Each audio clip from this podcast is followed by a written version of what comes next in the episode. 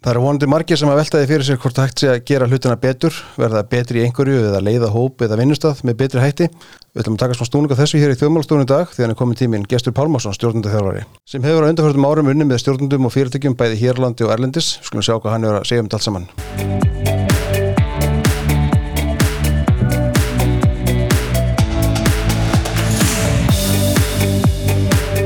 Gestur, verður velkomin. Takk fyrir Takk fyrir að koma. Þú er bara nýkomin til landsins, þú ferðast mikið vegna þinnar vinnu. Já, ég ferðast mikið, ég, ég sé úti ég veit ekki hvað eitthvað staðar yfir 100-150 dagar Já, já.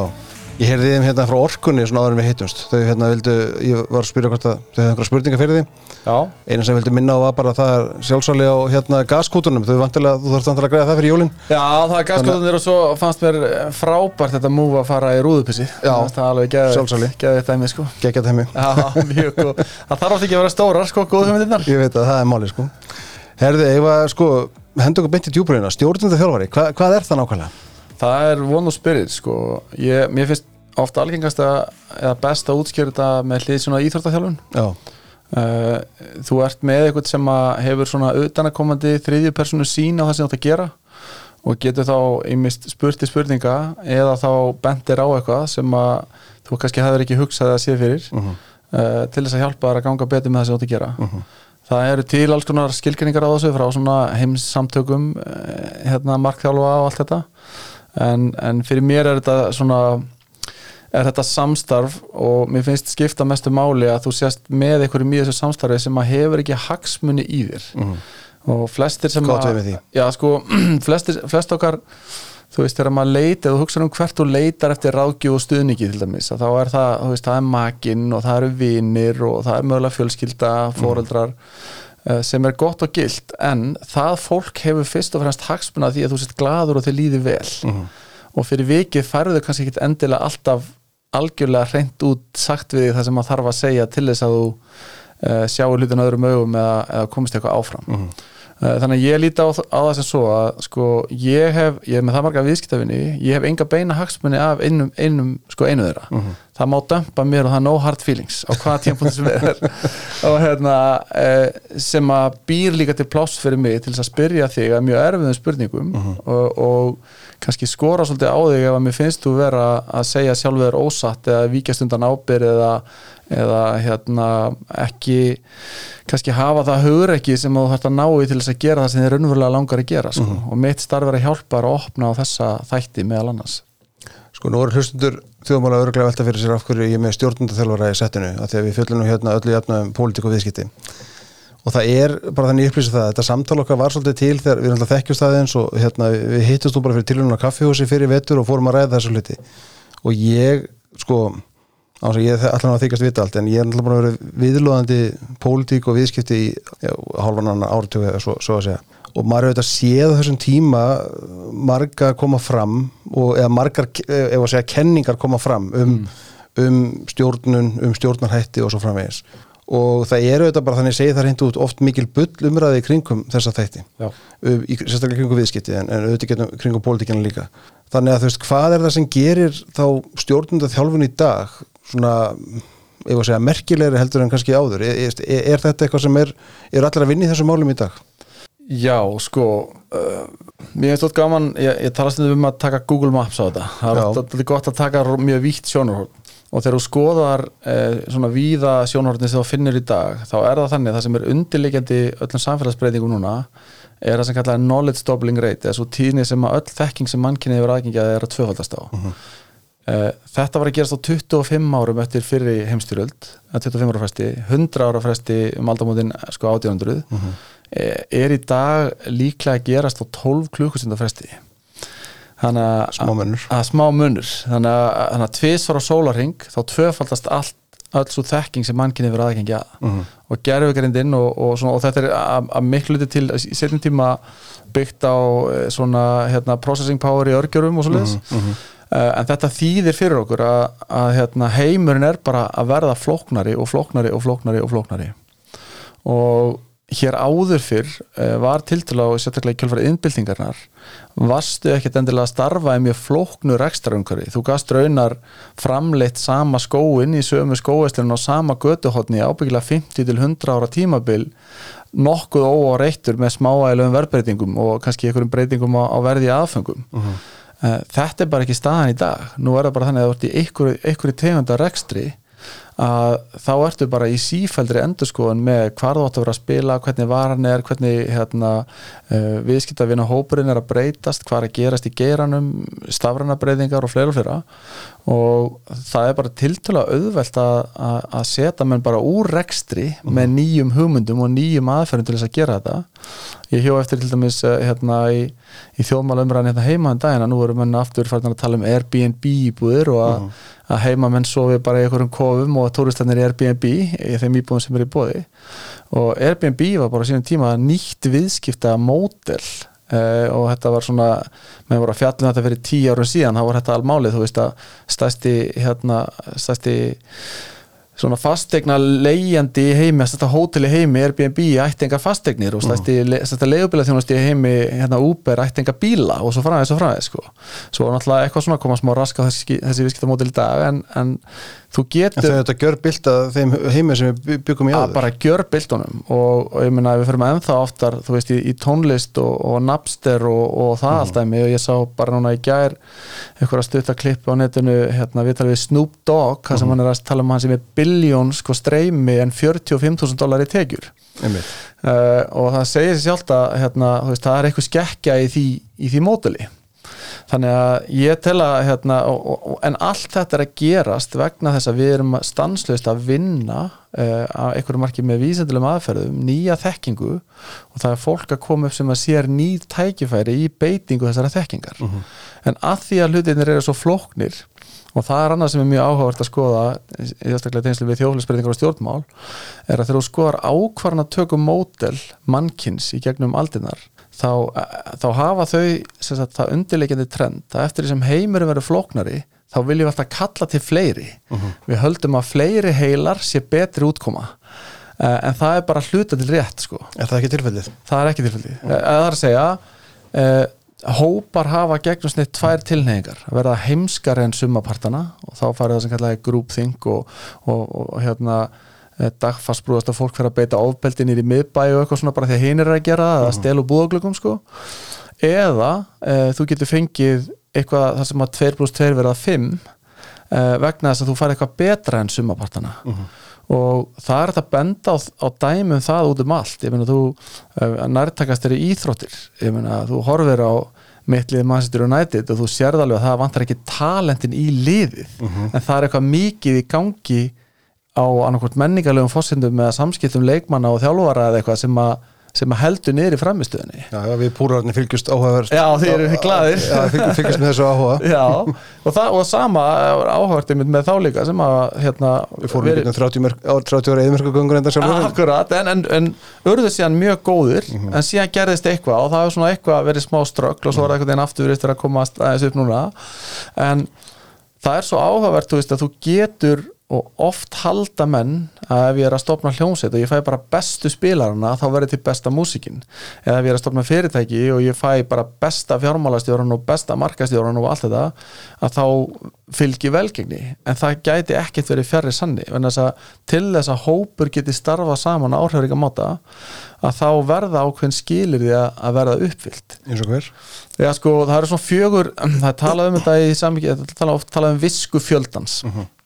og til þess að viska fjöldans uh, hérna, til þess að við náum henni fram þá þarf svona fjögur grunnskiliði uh, það fyrsta er að þú þarf sjálfstæða hugsun. Ég þarf ekki að mynda með mína eigin skoðun. Uh, og, og hérna án þess án endilega utankomandi áhrifa ég þarf ekki að kynnt mér einhverja upplýsingar og mynda með skoðun út af því uh, og við þurfum að hafa hana, sjálfstæði hugsun. Síðan þurfum við að hafa fjölbreyttar skoðanir. Uh, allt frá fólki sem að veit ekkert um málið yfir í helstu sérfræðinga yfir í fólk á ólíkum uppruna og kynni og alltaf bara all, alla þessa parametra fyrir fjölbreytni sem þú getur ímyndaðir og það er kannski mikilvægast svona ólík gildakerfi ef við getum komað því síðar. Uh, síðan það sem er erfiðasti parturinn líklega uh, þarftu einhvers konar samþæktingu á þessum ólíku sjónamiðum og það er raun og veru erfiði parturinn að finna leið til þess að smíða þessi ólíku sjónarhótt yfir í nýja og kæra löst en það eru til aðferðafræði til þess að gera það. Og fjórða er að stundum kalla tala um sem valddreifingu á íslensku en ég er ekki vissum að sé endilega rétta orðið en það er, sagt, eh, er að hluta til að þeir sem að verða fyrir áhrifum af vandamálinu hafi líka, séu líka partur af lausninni, hafi eitthvað með máli að segja. Og all, allar rannsóknir í visku fjöldans það er svona, þegar þú fara að skoða þetta í tíman, það var hérna ná ekki breytlandi sem að hétt Sir Francis Galton sem að sanna það að pöpullin veri svo heimskur hann var, hann var hérna, gáfumæður og, og ætlaði að sanna það að pöpullin veri svo heimskur og hann fór á svona búfjörnarsýningu setti upp hérna, stóran velunatutta og bauð fólki sérst, að setja miða í körfu um þegar það væri búið að slátra tuttanum hvað kjötið ánum er í þungt mm. Og svo fekk hann sérfræðinga til þess að koma og, og giska. Og þessi tilröðin sem enda með þeim ætti að, að sérfræðingunum skeikaði sko ykkur á bylunum 5-10 kíló. Uh, en þegar hann tók meðaltalið af sagt, uh, atkvæðum fjöldans þá skeikaði því bara um 0,1 gram eða svo.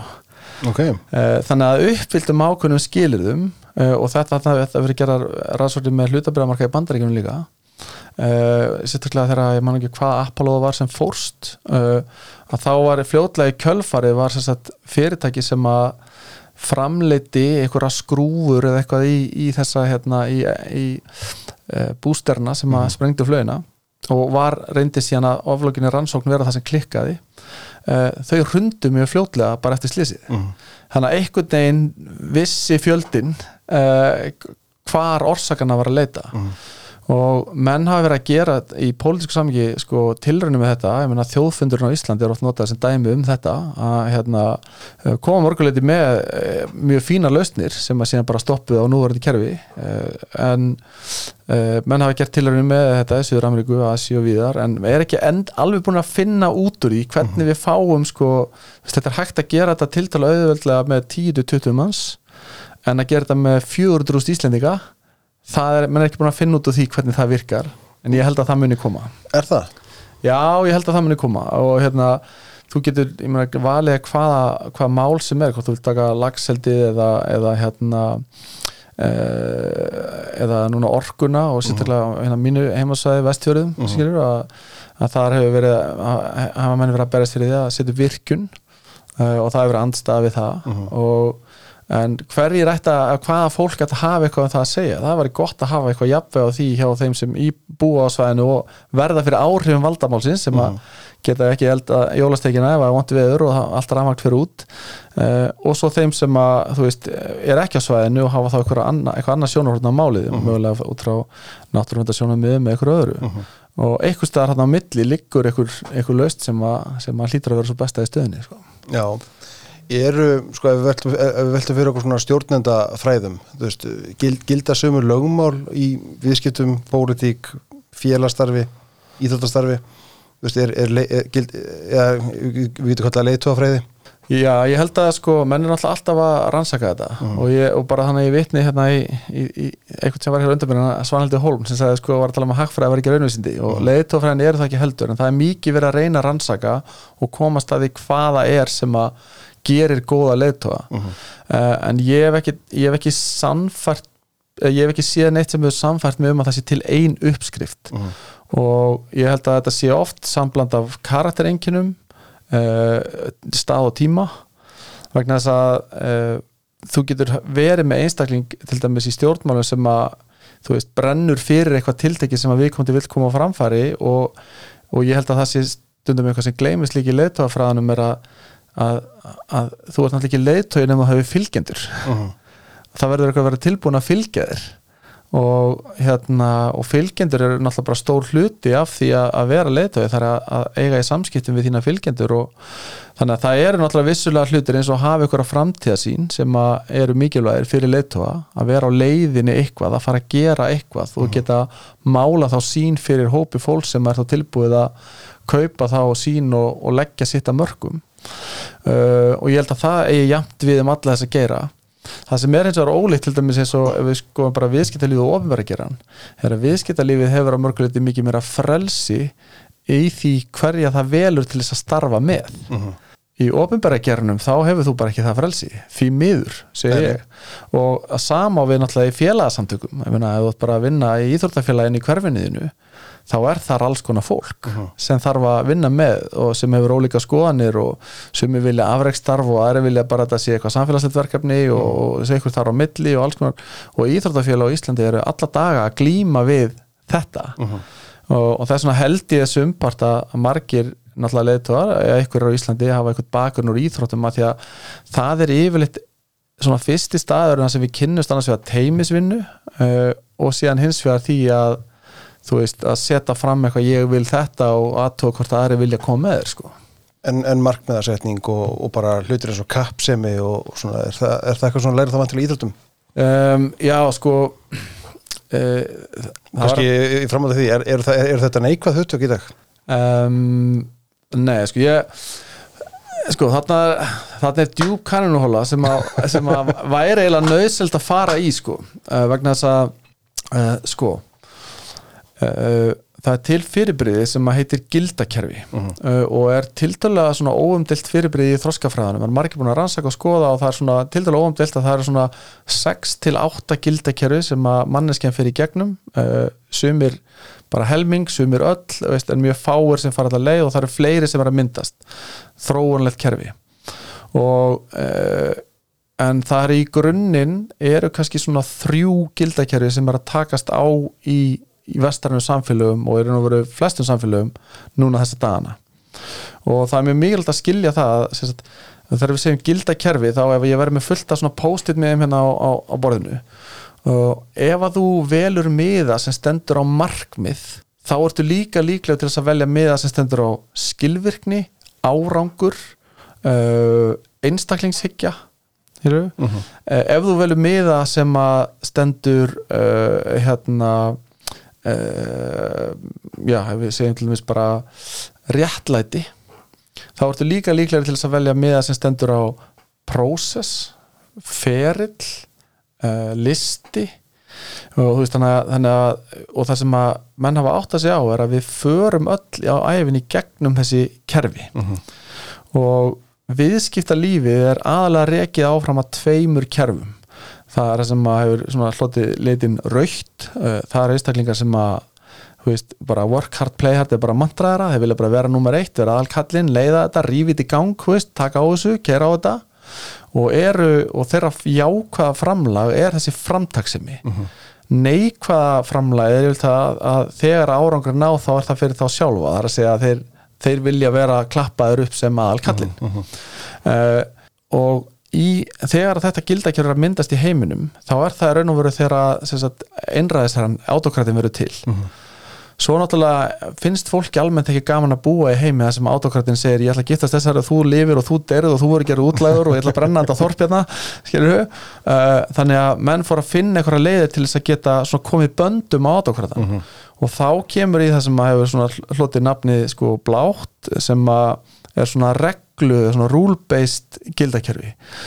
Uh, trúabröðin komu með því. Uh -huh þú veist, ekki, ekki getnast nákvæmlega þess og ekki drepan og, veist, og hérna, ekki stela og veist, bara einhverja reglur að fara eftir. Þannig að annarkvort var valdið þú veist í höndum mín og Guðs að því ég er prestur mm. eða, eða hérna og, og ef þú skoðar eh, sagt, alþjóða samkómulega sem kemur í kjörfar setni heimstældarinnar allar þessar hérna, saminuðu þjóðastofnanir er allar bláar. Uh -huh. alþjóðabankin hérna, hérna, saminuðu þjóðna sjálfar og allt þetta. Og þetta er allt gert til að búa til leikreglur. Og leikreglunar eru til þess að halda friðin í, í þó nokkur ár. Uh -huh. en svo upp úr því sprettur síðan þegar byrjaði ok, eru jákvæða framlæðið er að það vita allir að hverju þið ganga lög og regla, domstólar veist, allir jafni fyrir lögum og allt það. En neikvæða framleiðið eru þetta hafa allir upp í þessum að fara á síslumanni í kópói bara computer says no. Þú þú ert ekki með rétt að formata mynd og þú ert ekki með þetta og ekki með hitt sko. og það er að hluti eins og þegar maður hlustar á þennan þátt það er oft það sem að menn sem koma að hinga er að gaggrina, er að regluverki er og þungt ríki er og stórt mm -hmm. við erum að upplifa að hluta til neikvæðu byrtingamyndina á þessu. En það, þú getur ekki skala neitt á þess að vera með ykkur að ferla. Ef þú mm. ætlar að ráða 2000 manns þá er sko þú sést með ráningaferil til þess að einfalda þér verk, verkefnið Þannig að upp á því er hitt kerfið sem er reiki áfram með viðskiptalífinu sem hlutið nafni appisnugult og það eru svona það sem maður getur kallað pragmatistar og það eru umskiptin frá því að trúabröðin ráða í sögulegu sammingi yfir í að uh, vísindin taka yfir og við fyrir að vinna þekkingu með vísindalegri aðferð mm -hmm. og þar er svona fólk sem maður getur kallað svona pragmatist, þegar við bara setjum bara stefnum þanga, setjum þessi markmið ef það virkar ekki, bara breytum við til og, veist, og, og, og við erum alltaf að sveiplast á milli einstaklingsmiðunar og hópmiðunar síðan er það sem er núna þess að leiti hópin upp úr 68 það er það sem við kallum grænt. Ég ætla að síðan síðan útskrifa fyrir þess að segja okkur þetta skiptir móli hérna, og það kemur fram upp úr 68 þegar bandaríkjum er farið til tunglsins og við fáum nýtt sjónarhórn sem er ljósmynd af jörðinni tekin frá tunglinu. Mm -hmm. mannkinni hafði aldrei séð þetta áður. Og þá verður eitthvað svona uppgötun og þetta er kallað geimfarnir er eh, kallað þetta, ég man ekki hvað hérna, þetta er til dæki ástand sem að þú upplifir þegar þú ferð út í geim og sérði jörðina út í geimnum. Og, og hérna overview hérna, effekt er mm -hmm. og þá átt að þá allt einn átt að fólk segja við erum bara öll þarna. Og ef við eigiðilegjum þetta þá erum við bara öll farin í skrúuna mm. og með þessu kem, koma ímis jákvæð hugtök það er að segja alla tegundi jafnbrettist, eh, kostningar til kvenna, blökkumanna í bandaríkjónum LBGTQ samfélagið uh, sjálfbærni sem hugtak náttúruvend, allt þetta svona þessi hugtök fara að verða til í gegnum þetta nýja sjónurhórn mm. það sem hefur gerst núna er að þetta eru gafirnar, hvernig maður setur græni gafirnar mm en við erum líka að upplifa ókostina sem er cancelkultúrin eh, hérna eh, sko að því að það sem, það sem að fólk sem að er í grænagildakjörnunu vill framar öllu, það sem hefur virði fyrir því mm -hmm. er að öll dýrin í skóinu séu vinir. Svo framalega sem dýrin leik eftir mínum leikar, leikar þá erum við vinir skilur við um sem er þetta ákveðin innföldin í hugsun sko. Já, sem, já og sem er þannig að upp að þessu marki þá halda öll þessi gildakerfi að þau hafi rétt fyrir sér og, og hinn hafi rátt fyrir sér. Þannig að mm. ef þú kemur inn í frangvæntistjóð fyrirtækis banka sem dæmi þá eru bankar almennt reknir áfram af, af rauð og appisnu gulu. Það er bara að sækja fram veist, og, og hérna græða og allt þetta skilur, og gera góðan business og allt þetta. Svo ertu með regluverðin út í hodni sem er yfirleitt ekki hérna, áleitin mjög skemmtilegur veist, og, og ín í frangvæntistjóðinni eru alltaf þessi tensjón þarna á milli mm -hmm. þú sér þetta líka í matalaframlöslu þú sér þetta líka í flugfélögum þú farið alltaf við ykkur að gæja sem stopna flugfélög og ræjan er alltaf bara að láta alltaf standa mm -hmm. og þá kemur gæja sem er skildutt að hafa inn í flugfélagi sem að sér um reglurnar og er accountable party og hann sé bara, nei, nei, nei, nei, nei lagabóstarinn segir bara það, fólk verður að sita það verður að vera svona, verður að vera svona oh, ok, geta það ekki, getur við fundið að leiði kring það? Þannig að mm -hmm. þú veist alltaf með ykkur tensjón á milli þeirra sem er að halda utanum og halda reglurna síðu svarið og þeirra sem að, já, viljulega hafa reglur en eru líka alveg til að fara á svegu eða eru fyrir að breyta þeim. Skilur við, þannig að þegar við erum að horfa á út frá sam, samfélagi og samfélagsbreytingum þá sérðu bara hvort þú horfður til Ameríku eða hingað. Að, að um leiðu þekkir þessar linsur þá sérðu bara að það, þessi e, þessir hópar að þessi kerfi eru alltaf í átökum. Og það er mjög forvöldilegt að horfa á Íslandi gegnum hrunið í þessu ljósi til dæmis að því að e, það mætti segja, ég myndi segja að, veist, að fyrir, fyrir hrun þá erum við bara hérna, er, er allir í rauðu bara work hard, play hard og þú veist, þú köpið bíl og ég köpið tvo og þú getur hús og ég getur bara starra hús og uh mhm. -huh. allir hérna vilja vinna í banka og vera í stuði skilur, og bara gaman, gaman að vera til og ekkert að því, svo gerist þessi atbyrður og þá er svolítið forhaldilegt 2008. 2008 og þá er mjög forhaldilegt að sjá hvað gerist í íslensku samfélagi uh mhm. -huh sumir detta alveg niður í grunninn og það og mátti sjá umfjöldinni í blöðum þess tímar sem að menn er að segja já, herri, við, nú bara farum við að taka slátur og við erum íslendingar og liðum að móðuharindin og prjóna lópapeisur og bara gamla hérna, gamli húsmaraskólin sko. mm það mun bjarg okkur þú veist. Svo var það sem sögðu bara, nei, nei, nei, nei sko, nú bara stopna sérstaklega saksónara og bara ná í bankstærarna og koma að lögum og auka bindiskildu sælabankans og, og, hérna, og reglundar munu bjarg okkur, við þurfum núna að leggjast á þær einhverju sem bara sem við gerðum á hluta til. Sem við, ger, sem við gerðum að nokkur þunga mm -hmm. held ég að sé ótt að segja. Og, hérna, og svo var einhverju sem segði mm, ok, þetta virka ekki, förum við penningin út endur skipum lögjum vegnarsarmið, tökum við einhvern fjármúrlega leið senða bakans, fáum 20% tóna og bara byrjum upp á nýtt og, mm. og, og þú getur, ég menna menn, menn lærðu helling, ef þú skoða bara hérna þú ert að skoða bara eh, hvernig heimilin standa, hvernig fyrirtækin standa þú veist að það er ekki að segja að Íslendingar hafa ekki lært af hruninu. Mhm. þú veist, menn er ekki mikið skuldsettum yfirtökum núna og hérna alls konar æfingum sko. Það, það er svona meiri innistæði fyrir því sem verið er að gera. Já, já, og svo er náttúrulega einhverju sem að segja bara herrðu, þetta er bara allt nonsens, ég ætla bara að kaupa jógadínu og hérna fara þáleið sko. Skilur, allt, allt valið útgáfur en það bara, þú veist, en, en vandamálið er að allir halda þeirra að vera rétt fyrir sér og hinn halda að hafa rátt fyrir sér sem leiðir okkur að því að þeir sem að ná mestum árangri í, leiðtóðanir eru þeir sem átt að segja á því að allt þetta fólk hefur eitthvað jákvætt framlag og eitthvað neikvætt framlag. Að það er ekkert að þessum, þessum gildum sem þú nefndir og flokkamönd eftir þessum lítum sem þú nefndir í náðan það er engin ein leið réttar en önnur að það er engin ein þú aldrei sagt þegar þetta er rétta leiðin. Nei, þá alltaf vera blátt eða allt rautt eða- nei, nei, nei, og, og, það, og það væri bara afleitt fyrir okkur. en, en að því að þetta eru Fælst fernin þá í því að greina hann á milli eða? já sko, þú getur hugsað um þetta eins og íslenska málfræði. Ég og þú erum að tala saman á íslensku en við erum ekkert í höfðinu núna. Já, hér er N og hér er 2 N og hér er greinir og hér, er, þú veist, regluna voru bara settar inn einhvern tíðan í grunnskóla. Já, ef mér sé að fyrr við lærum að tala fóruldrum okkar og við bara kunnum að tjá okkur en ef þú ætlar að- fara að spyrja mig núna út í íslenska málfræði þá myndi ég standa á gati sko. veist, ég á ekkert erindi í þá þætti sko. uh, en uh, það sama á við um þessi kerfi þú veist, þau mótast í okkur og ég geti rakið mína starfsæfi, ég get alveg sagt þér hvenær ég var rauður og hvað ég var að gera og hvenær ég fór yfir í blátt og hvenær ég fór yfir í grænt og allt þetta og það er eðlert að þetta taki breytingum en það sem gerðist síðan var eh, upp úr sko rétt fyrir 2000 var að það kom fram nýtt kerfi uh, sem við getum kallað bara guld sem að hugsaði bara málin allt öðruvísi.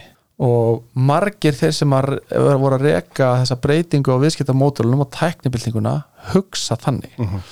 Þeir hugsa ekki heiminn í rétt og röngu.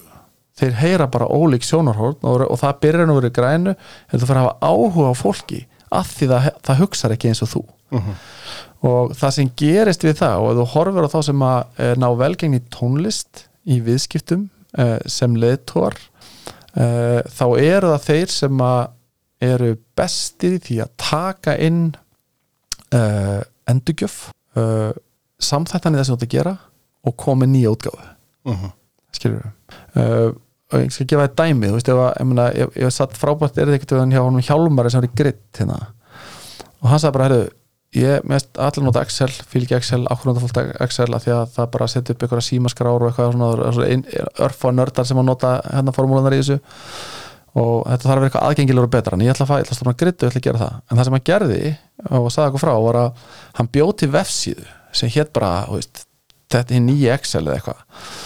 Og, og auglýsti það bara fyrir 5 dólar á Instagram eða eitthvað. Og það var fullt að liði sem komin á síðan og ég, ég vil þetta en það sem mætti þeim á síðinu var bara spurningalistum já, takk fyrir að sína svo áhuga þú veist, hvað myndir þú borga fyrir þetta, hvaða fítur sem myndir þú sjá þessu? Þannig að hann let massan segja sér hver þörfin væri. Og hún breytti hugmyndum hans áður en hann var búin að forrita þetta einasta stað. Já, já, já. Skilur við En eru þú veist, þegar að já, þú nefndir hérna áðan bara eins og Airbnb og, og hérna, og vandar það Uber sem er líka svona ný viðskiptamótir sem að einhvern veginn gjör bylta heiminum, þú veist. Við getum farið lengra aftur í tíman og tekið bara Blockbuster og Netflix, Já. þú veist.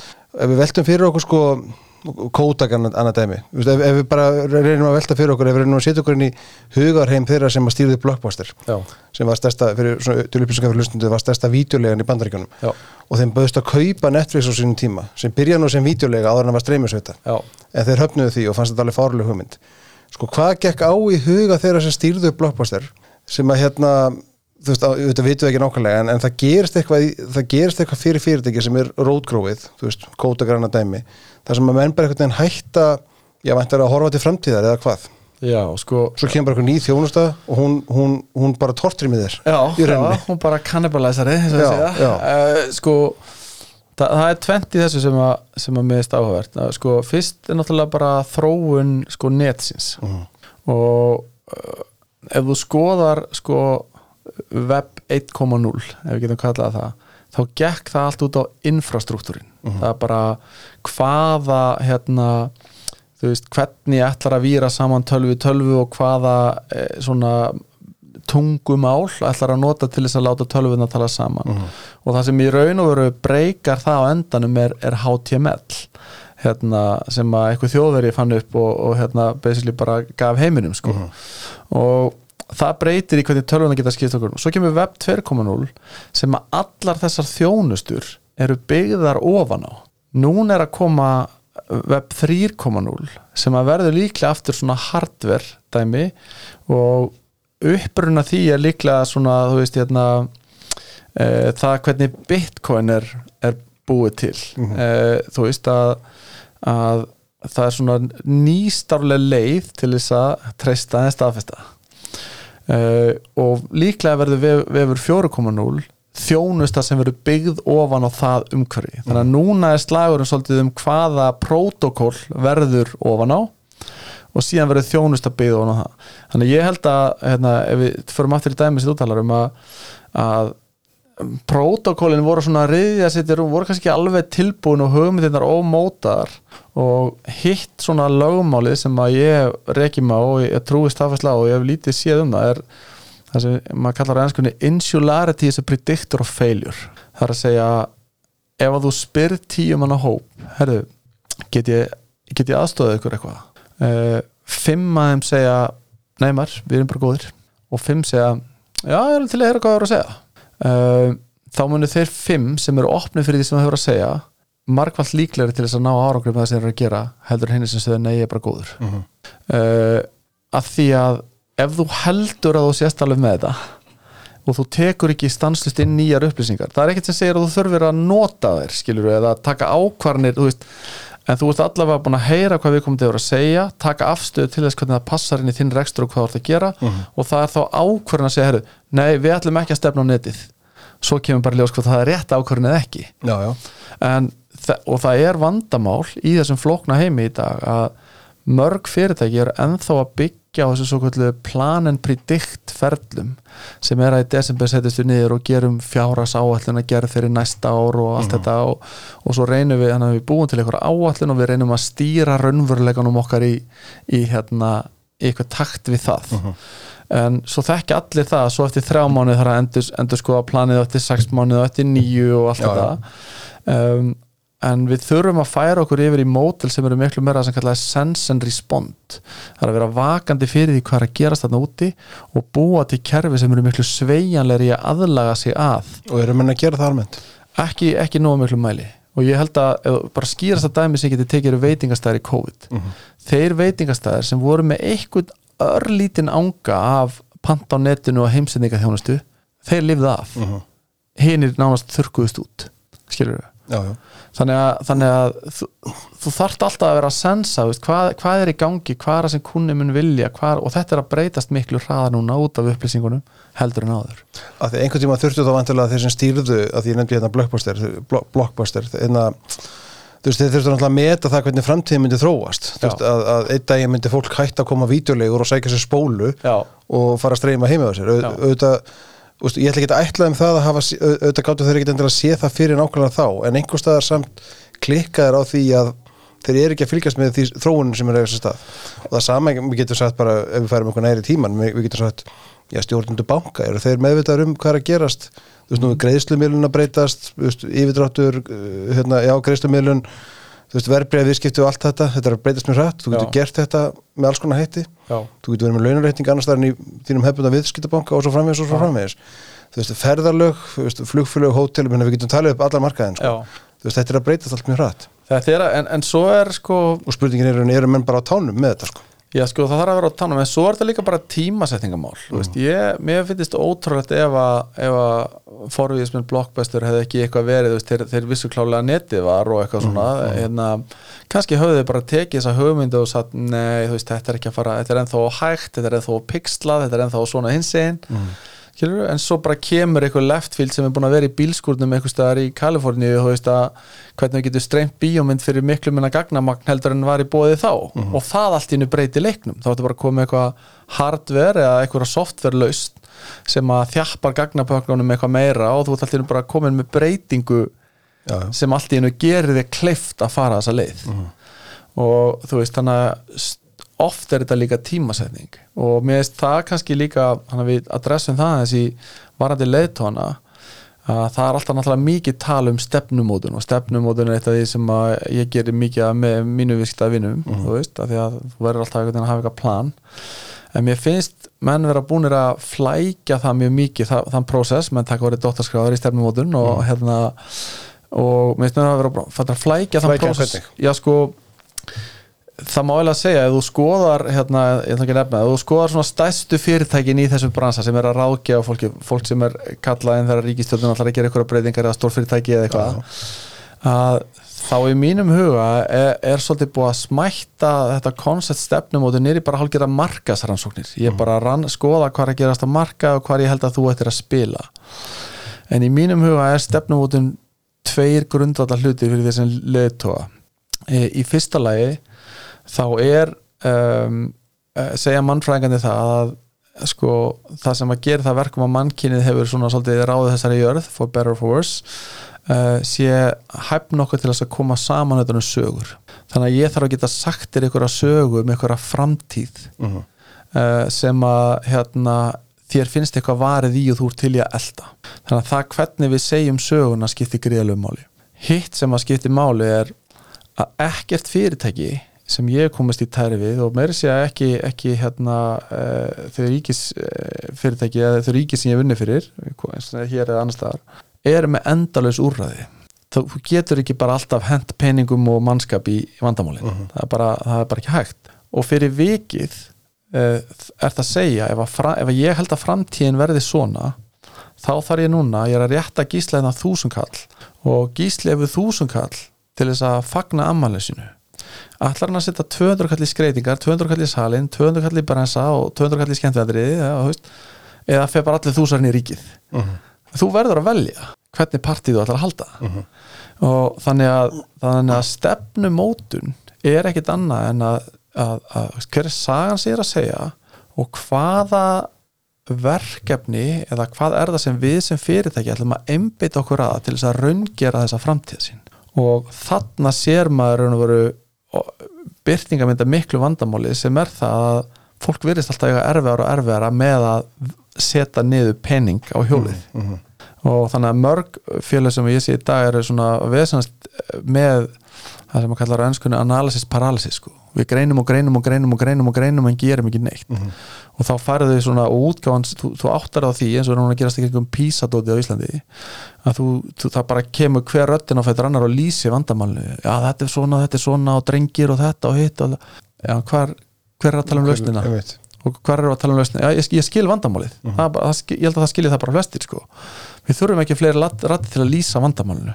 Við þurfum rætti sem að segja og ég held að þetta sé lausnin og við þurfum að gera þetta svona.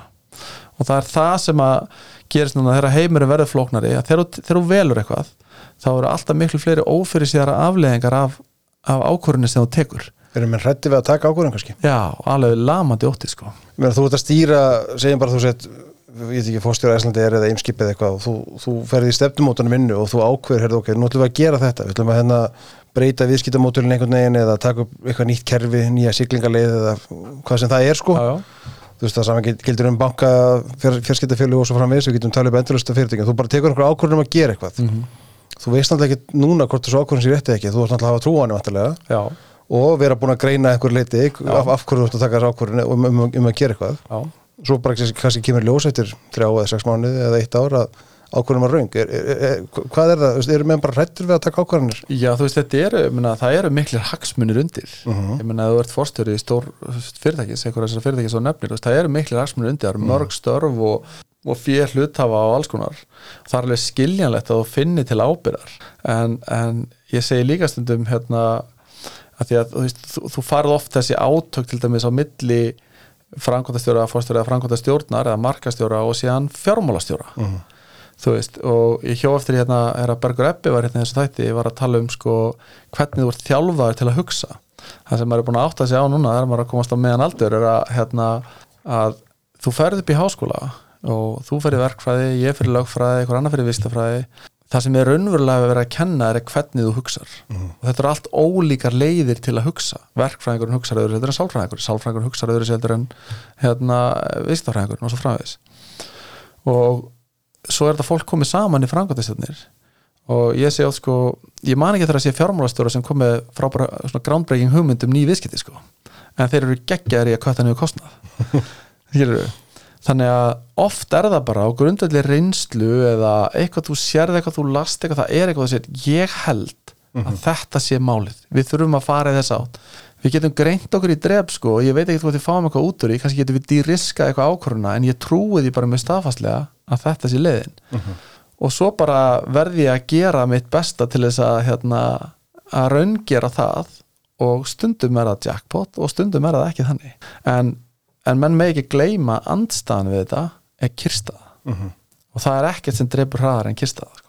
en, en átta menn sig á því þegar þeir eru kyrstaðir nú hugsaði til þess að bara um stjórnundu fyrirtækja sem að eru, og það skiptir einhver manni hvort þú reyka flugfélagi eða dekkjavestæði sko, í rauninni, af því að þú ert, þú ert bara í þunum daglega amstri allan daginn að hamast í einhverjum verkefnum. Það er alltaf eitthvað í gangi og það kom upp krísur og það kom upp þetta að reyna millu og allt þetta. Þannig að þú ert alltaf bara að sinna daglegum rekstri fyrirtækisins. Svo auðvitað gefur þau tíma til að fara í þú nefndur náðan stefnumótun sko, á einhverjum tímapunkti en þú veist hversu mikið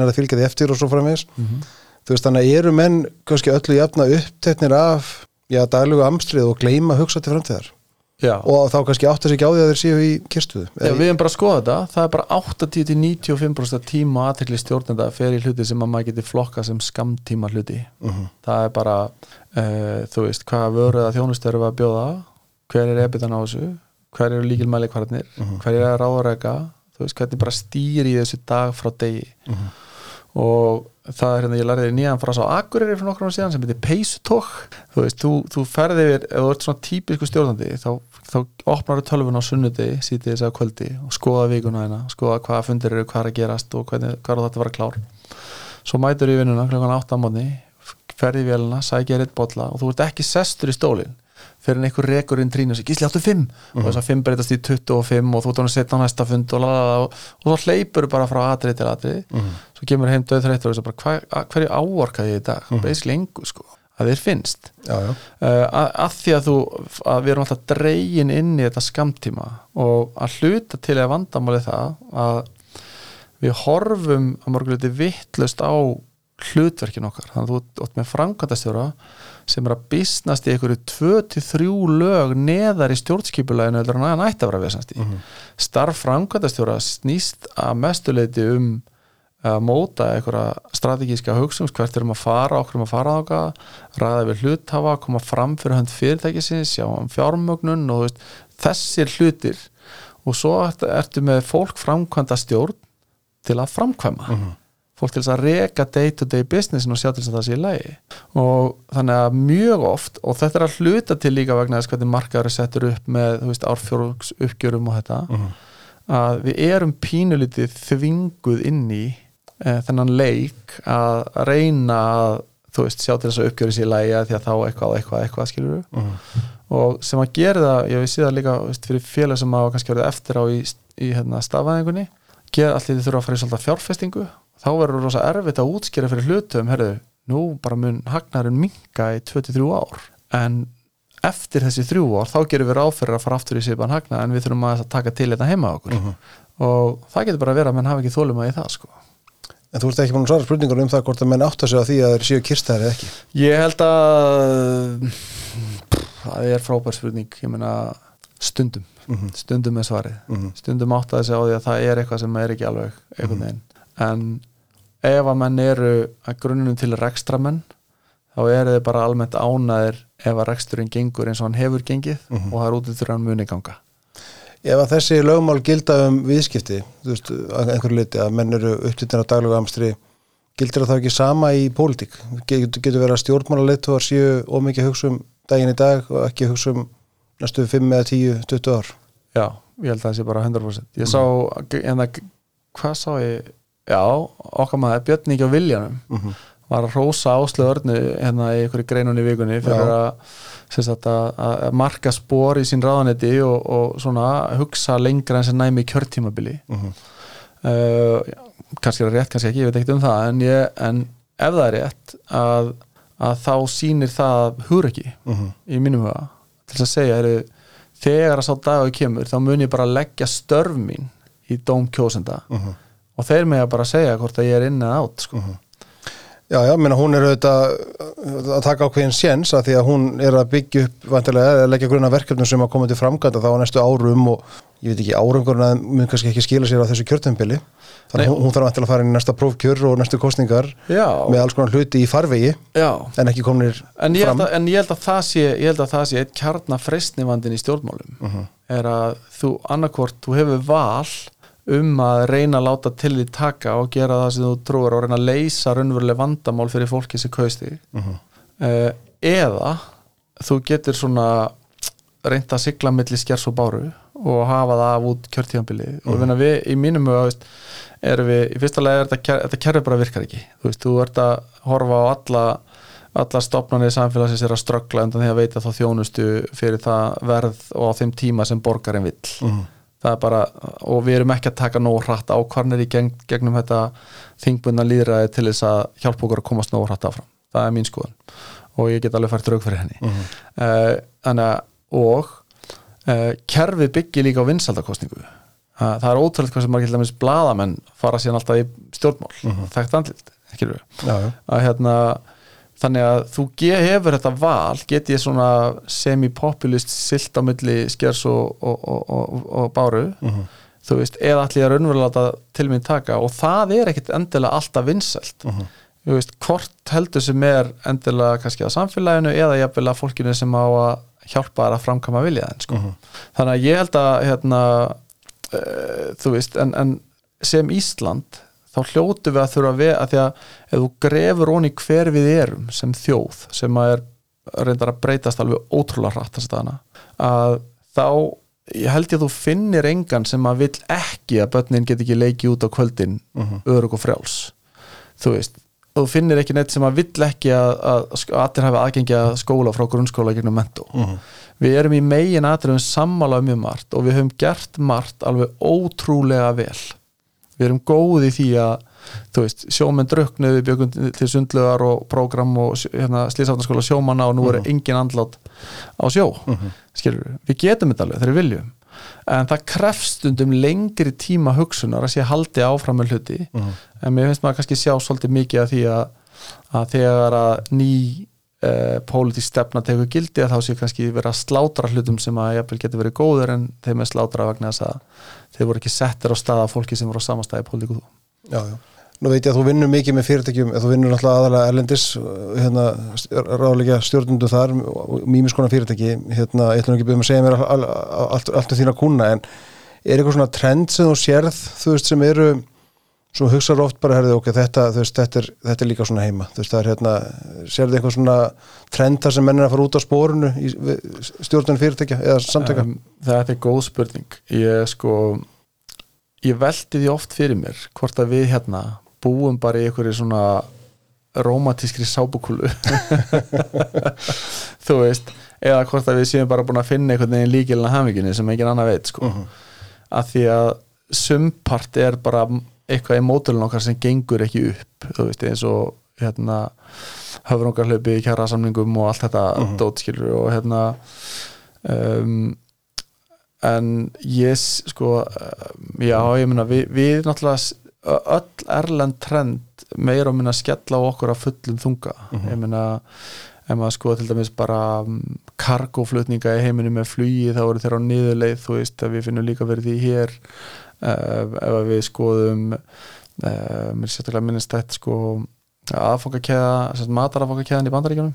Uh, 2019 þú veist, þá var ég að ræða við fólk þar, eða var með teimið þar sem að syndi, var með svolítið stóra aðfangakeðu og þau voru að setja sér svona metnaða full markmið ef maður verið 1 til 1,5% vöxtur Mhm. árunni 2020 þá er það bara eitthvað svona kraftaverk sko, geta allir klapsir á baki svo kom alltaf bara COVID og þau fóru í 17% Mhm. sem að náttúrulega maður hefði sagt við þeir því ég er að fara að gera 17% næsta ári þá hefði maður bara verið úrskurðar á, á stof, viðandi stofnun sko að hérna að það átt að maður sé á því að aðfangakeðjan þar eh, er byggð upp í raun og veru bara fyrir mjög lítinn vöxt og hefur fengið að vera mjög steddi í mjög langan tíma en það er alltaf raskast núna. Sem þýðir það að ef þú ert fættur og uppalinn í miðvesturíkjunum þá gastu bara farið í karatjakan og tekið nestisbóksið og lappa í vestmiðuna og unnið þar alla hefi og bönniðin gerði það líka. Þetta er alltaf að fara að breytast núna. En þeir eru ekki alveg að kveikja á þessu. Mhm.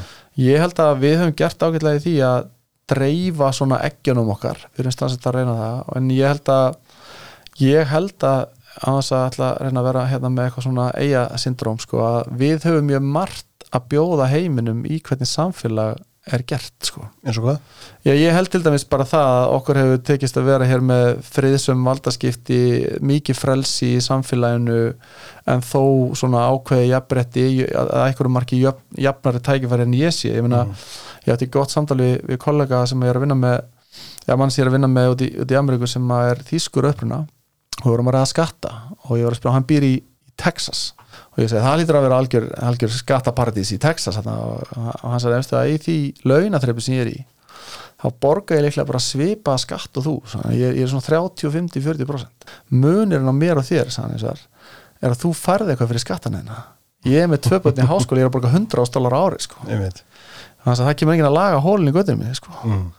þú veist, ég er bara að reyka stærsta her í heimi uh, þannig að þú veist, ég er að borguleiti sko, ég meina, hvað varðar uh, möguleikana sem við höfum hér á að setja börnun okkar í tónlistaskóla fleiri en eina íþrótt Mhm. aðgengi að mentun frelsi, vatn, loft þú veist, við erum í algjör í kjörstöðu sko, um mjög margt. Getur það gerst þegar við búum í þessu mikla velmegunar samfélagi sem þú ert að lýsa? Og ég er alveg sammála þegar þetta er svona verður við þá týrætluna söm svona á lífið þegar við þurfum ekki að hafa ég meina, við, já við getum sagt bara í grunni það þarf ekki að hafa mikið fyrir lífinu í Íslandi. Jú, jú, auðvitað þarf að hafa mikið fyrir því en, en þú veist hvað, hvað ég meina, það, það hafa allir aðgunga mentun, það hafa allir aðgunga heilbrýðstjónustu við getum öll haft það svona sæmilegt. Veist, verður við þá týrætluna söm á veist, eða, eða spurningar þetta öllu, frekar að vera hættu við að bera ábyrða okkur sjálfum? Það er enda mjög góð spurning sko. ég held að veist, er skýr á milli tilætlunarsemi og þess að vilja sækja fram er erfitt að segja sko. þú veist, það er þetta sumir sem er það, veist, status quo er aldrei nógu gott ég vil eitthvað meira. Og allir til er það kannski bara gott mál. Uh, en en ég er ekki vissum að við séum nægilega þakklátt fyrir það sem við höfum. Og ég meina e, þú veist, það eru erfilegar alþjóðlega núna, margir af mínum kunnum er í stórum uppsögnum og hérna, stórum niðurskura verkefnum og það eru þjóður sem að bara, þú veist, þér er bara fyllt út og passin tekin að þér og þú ert bara, það er ekkert. Það er, það er engar, ekkert atvinnuleysis bóta kerfi sem grípu þig uh, og það er ekki hérna þú veist, þú þarf bara annarkvæmt að vera með sparifé eða bara vera ótrúlega fljótur að koma þér í nýtt starf sko. Og yfir 50% bandaríkjamanna uh, eru tvo laun að tjekka frá gjaldtróti yfir 50% ef ekki bútborga í tvo mánuði þá fara þær í gjaldtrót það er rosalegt það er rosalega tölfræði ég er ekki samfæður um að tölfræðin sé eins hér á Íslandi Mhm. uh, og við höfum að mörguleiti byggt upp mjög góð kerfi Mhm. en það er líka búið að tala mikið um það að, að þessi kerfi mun ekki virka svona fyrir okkur fram á við eða framferð sem horfir Mhm. hvort sem það er helbriði, atvinnumál hérna, þú veist þe- þessi kerfi er öll þú þarf ekki að fara langt aftur í tíman í Íslandsögunni til þess að bara ég meina, afi minn heitin skilur við, var sjómaður uh, og hann fór í bakinu og hann þurfti bara, hann bjöndi rakarastóðu heima aldrei klift einn einasta haus sko. Bara heim í bólungæk sko, hann bara bjöndi rakarastóðu á loftinu og byrjaði að kleipa fólk. Það, hann fór ekki á neina atvinnulisbætur eða það var ekki settur á reskilling námskeið eða veist, neitt til þess að hjálpa hann bara þurfti að gera þetta sjálfur. Ég er ekki trú, ég trú ekki á, á það. Ég trú á því að við erum að grípa fólk þegar að það er að ströggla en ég trúi líka á það að við eigum að koma því á fætur eins hratt og auðið er til þess að geti aftur byrja að leggja mörgum sko. og til þess voru þessi kerfi gerð en svo eins og með öll kerfi þá eru þetta veikleikar í þeim sem við höfum kannski ekki tekið ábyrð á að, að laga sko. Já, eru, það ná að síða setjan hluturinn á okkur, þetta er samt svona að spyrja þess viðbót sko, við veltum vera okkur hlutur ekki leiðtúans já, um, það geta vantilega ekki allir verið leiðtúar eða, eða stýrt einhverju, ég meina þú getur verið, já, gott dæmi. Meina, við höfum séð menn koma fram með góðar hugmyndir og við veitum að það er fullt af duglugu fólki að nóti, sem er að hérna, getur gert góða hluti en það þýr ekki endur að setja góður stjórnandi. Þú veist, þú getur fundið upp eitthvað nýtt þú getur verið góður í þínu fægi og hérna en það þýr ekki endur að þú sér góður í að leiða hóp eða stýra fyrirtæki eða, eða samtökum eða hvað sem það er. Nei, er þetta ekki Jú, ég finna á það ef þú sko nýskupuna fræðina þá er það svona al, almennt eitthvað svona þekkt staðrenda þegar að félagi þarf að fara að skala þú veist, þú kemur fram eitthvað hugmynd, þú vinnur Mhm. eitthvað fylgi, þú verður með eitthvað fjármögnun það verður til eitthvað proof of concept, það verður til vara þú getur selt hann og þetta virkar Mhm. en svo þegar það þarf að fara í skölurina þá er almennt talað um að stopnandi þurfa að stíga út og einhver annar þurfa að koma inn í staðina því að hann er bara of tengdur til þess að geta skala hu- hugmyndinu upp og það er Steve Jobs var hann settur út úr Apple á sín tíma já, já, setna en það, en það eru ég held að sé fleiri dæmi um það að þeir stíu út eða séu settur út heldur en að sé, þeir fylgi félaginu frá 0 upp í 100 Mhm. uh, og veist á nokkur mismundi ástæðan það kallar hérna, crossing the chasm þegar varan fer, verður svona þú veist, þú búið með early adopters og varan fer bara á hérna, til almennings Mhm. og veru. og hérna ég held að uh, og það er ekkert fyrir alla og ég held líka að þú getur verið bara starfsmæður, hérna bara góða starfsmæður í þínu fyrirtæki en þú getur tekið hlutverki í, í hverju samtökunum eða, eða í þínu íþróttafélagi eða hvað sem er sko. það er- snýst bara aftur um það, þú veist, hvað er það sem þú vilt áorka og getur fengið fólk með þér með þér í það sko. og ég held að það sé engin ein manntegund sem, sem að getur það þannig að menn eldur Napoleon, þeir eldur líka Churchill sko, og, Já, já. og þeir eldur Obama og þeir eldur líka Biden sko, og það er bara, þú veist, hvað hva, hérna, hva hefur upp á bjóða og getur fengið fólk til þess að fylgja þér sko.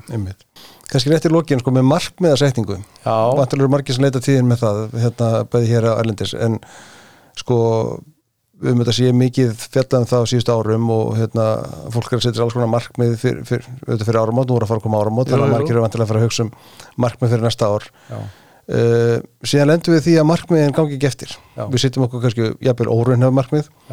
Uh, hvað sem við gerum það eða ekki að þau gangi ekki eftir. Kann fólk að díla við það? það er uh, mjög misjant sko, við vitum að eða fyrir ekki, fyrst, grip fram í fyrsta spurningin ætti að vera eigum að setja okkur markmið fyrir okkur sjálf? Um, rannsóknin að segja já. Rannsóknin að segja að þú setið markmið þá séstu líklegri til þess að allavega fara í áttina eða komast nála þeim heldur en þú myndir ekki gera það og uh, svo er þetta að ræða náttúrulega, þú veist, hversu raunhæðið er og það allt sko. Um, þannig að heilt yfir og, og, og, og þetta sem maður í, í fyrirtækjaristri líka þú þarf alltaf að vera með eitthvað plan. Þú getur verið Robert Versmann og skrifað á servetu eða þú getur fengið bara McKinsey til að koma og rúla því út fyrir þig. En það þarf alltaf að vera eitthvað svona plan. Og þetta við með einstaklingin líka það er gott að hafa eitthvað svona plan það sem ég veist kannski vera helst í veikleikin í mannfólki er að þegar það raungerir ekki planið sitt að þá fer alltaf að lemja sér niður. Ó, þú með, gísli, enn eitt árið maður allar að fara út að hlaupa og þú gerir það ekki og nú með, þú- svakalega getur verið lélega og alveg glatar og hvað, hvað þykist þú allar hlaupa út? Og menn þessi rödd fer að syngja sko. Berjum okkur niður. Já, við berjum okkur niður og það, eh, mér finnst mikil sóun og orku í því. Ég, hérna, þannig oft uh, svona þegar maður er að aðstofa fólk við þetta þá fer meira púður í að að finna út sko hvaðan þessi rödd kemur og hvernig við ætlum að vinna með hana heldur en hinn að raunverulegu markmiða setningu að að, og, og margir kannast við það náttúrulega segja herri ég ætli að ræktina þreysar í viku og þú nærði í fjóra vikur og þriði vikuna þá komstu bara tvisar og þá er allt ónýtt og þá bara hrinur þetta. Þú veist þannig að hvert er svona hver er þraut segja hann auðvitað speed of balance sko, þú veist, hversu fljótur ert að ná þig tilbaka. Bara morgun í dag er ég með þetta bara morgun. Og næsta vika verður þrísar í viku. Og næsta vika eftir það. Svo kemur að, að ná, var að ferðast ná bara einu sinni í viku. En vikun eftir það, aftur þrísar í viku. Veist, hversu fljótur ert á bak aftur. Og þetta eru líklega svona þeir tveir þættir sem að ég fer svona verð mestum tíma með að fara í gegnum með fólki í þessum hugleggingum er þú veist hversu fljótur ert að ná í apvæði aftur eða dettur út á spórinu og getur þú sleppt í að berja það niður uh, ef þú fer út af Nú er vantilega mikið af ungu fólki sem er að veist, ströggla með það hvað það vil verða það verður stórt. Og kannski, við erum kannski ennþá ákveða sjálfur hvað það verður stórir en, en maður sér náttúrulega, ég rætti náttúrulega aðeins þetta við Björn Berg og Björg Bergabba um daginn. Þú veist, það er mjög óreiklegt að við munum það er mjög óreiklegt að 20 einstaklingur í dag velja sér starf sem hann starfar í 40 ár. Uh, kannski eins og forfjör okkar gerðu eða svona eld, eldri kynsluðar gerðu. Þannig að það er mjög líklegt að við breytum um já, starf eða jafnvel starfsferil kannski á 5-10 ára fresti eða hvað sem það er ég er ekki með tölur yfir það, en þú veist hvað ég á við. Veist, er, er þetta kostur eða galli? ég held að þetta sé stórkostlegu kostur. Okkur? uh, vegna þess að uh, ég skal bara gefa þetta dæmi úr, úr eilífi ég, ég hérna vissi seint hvað ég vildi pröfa alls konar. Fiski og þetta var úti og reyna sem lífvörður og var í tónlist og bara alls konar. Uh, og svo álpaðist ég inn í lögurla og, hérna, og fannst það algjörlega frábært. Elskaði að vera þar, bara fann mína hillu og þegar ég var búið með lögurskólan þá sagði ég bara, heyrðu, réttið mér bara likla sem bíl ég þá var að sagja alla bóana, geðum bara sólring þetta, ég, ég, ég, með þetta uh, Tæmi göttuna já, bara, ég tæmi guttuna, svo bara liðið tíu ár og þá horfum maður tilbaka og þannig að segja, já, þú varst bara alls ekki með þetta kallið minn. Mhm. uh, en eftir tíu ár þegar þú varst búin að vinna þarna, vinna þarna, vinna þarna vinna, og skilja þetta betur þá var maður að fara ná miklu meira árangri með miklu minna efforti. Mhm. Og það er til sagt, sagt, um, það er svona þrjú hugtök sem er stáver það er til hérna var oft talað um hérna generalistan, sá sem veit svona lítið um mikið og margt og sérfræðingin sem alltaf veit mikið um lítið. Mhm. og hérna, hérna fræ- frækt kóti Meitsland bróðurinn hérna sem var litlarinn talað um þetta. Dómarar vissu lítið um mikið og, og hérna lögfræðingar lítið um, ef maður kannu orða þetta mjög skemmtilegt. Nema hvað að Uh, en það er til svona þriðja útgáfan sem hefur minna verið talað um en er ágætlega þekkt sem er uh, kallað polymath uh, sá sem hefur raun og verið djúbsta þekkingu á mörgum ólíkum sviðum. Mhm. uh, þessir aðalar eru uh, uh, sérstakir uh, eru mjög nýskapandi gjarnan að fá hugmyndir. Og ég held að Ísland til dæmis sé bara útunguna stöð fyrir polymatha af því að ef þú flýgur með Æslandir þá er sko helmingurinn á öfnunni löggur líka eða hjúkurnafræðingar eða er taka þriðja ári í lögfræðinni eða Já, já. þannig að, þannig að við, við höfum þetta tækifæri hér svolítið að því að í þessu mikrosamfélagi að prófa okkur bara áfram í mörgu Mhm. Og allstaðar nærði ykkur að þekkingu. Og ég held að það sé, þú veist, svo allt að fyrir að átt að erbyrðu, þeir gera þetta svona í öryggin í fluginu, okkur getur ekki gert það á lagarnum hérna? Og þú ferð að flytja á milli þekkingu, milli geira. Mhm. og það er þar sem að nýjar nýjir hlutir verða til. Þannig að ég held að, og eins og með unga ég held að þessi spurning bara hvað ætlar að verða þegar þú sést verður stór. Ég held að við getum bara lagt henni á síðasta síðustu öld ég held að hún eigi bara ekki við Já, lengur. það er kannski bara málið Já, ég held að hún eigi bara ekki við Mhm. ég held að hérna, og ég tek nokkuð svona samtala hver, á hverju voru alltaf fóröldrar beðum að tala um bönni sínu og eitthvað svona að, og þetta er alltaf bara samfara segja bara, herri, þú, þú þarft ekki að vita, þú Mhm. þarft ekki að vera með planið alveg bara þangar til þú eru 35 sko. Mhm. uh, en þú mátt bara ekki gera ekki neitt þú, þú gerðu eitthvað, farað að vinna í sjoppu farað að hjúkra öldruðum farðu að veist, malbygga þú veist ég að, mér er alltaf minnist þetta sem að hérna, Birgi Jónsson fórstur í Play sagt af mig sko. Uh, hann var ekkert að vinna hérna hjá uh, Össuri í Asju, ég eitthvað þar hérna fyrir löngu síðan. Og þá sagði hann sko, já, þú veist þegar ég var að, að representara Össur þá má ég að segja að það sem að nýttist með best var bara, þú veist, reynslan úr rockinu hérna í oldið sko, þegar ég var bara, þú veist, að fara með bjóðamönnum út og reyna að selja þeim eitthvað og gera eitthvað, þú veist, og, og svo reynsla hafa verið bara í hljómsveit og eitthvað nýttist með miklu meira. Hann hefur ekki getað ímyndað sér það hérna í einhverjum bílskur í Hamraborginni hérna í oldið sko. Eh, en, en þetta virðist vera málið að, að ef að þú pröfar eitthvað, dregur að því eitthvað reynslu og heldur svo áfram og pröfar eitthvað, dregur að því eitthvað reynslu að þá færða ákveðinu tímapunkt í lífinu svona fyllari mynd af einhverjum hlutum og þú getur kannski treystið þér í að fara að gera eitthvað, Mhm. skiptir máli þannig að ég, ég held það veist, að, að fólk eigi að vera döld að prófa sig áram ég held eins og vera að það sé svona smá núna eh, sveifla í hináttina sem ungt fólk er kannski ekki að tolla lengur en árið að tvö á sama vinnustaf ég er ekki vissum að það sé endilega frábært sko. Mhm. þú þarft að geta mjólka reynsluna úr því sem þú ert að gera og við vitum það bara eh, hérna, út á rannsóknunum það tekur því ára lámarki að svona ná taktinum á, á vinnustaf Mhm. Þannig að hérna, en, en endilega að gera sem mest og, og, hérna, og hafa sem breyðast að þekking og sem flestum hlutum það mun skapa nýjar hugmyndir fyrir okkur hinn sko. Bara ekki gera ekki neitt. Bara ekki gera ekki neitt. Það er kannski ágætt regla. Já, Og það held að Gestur, takk fyrir komuna. Frábært að fá eitt þáttinn. Takk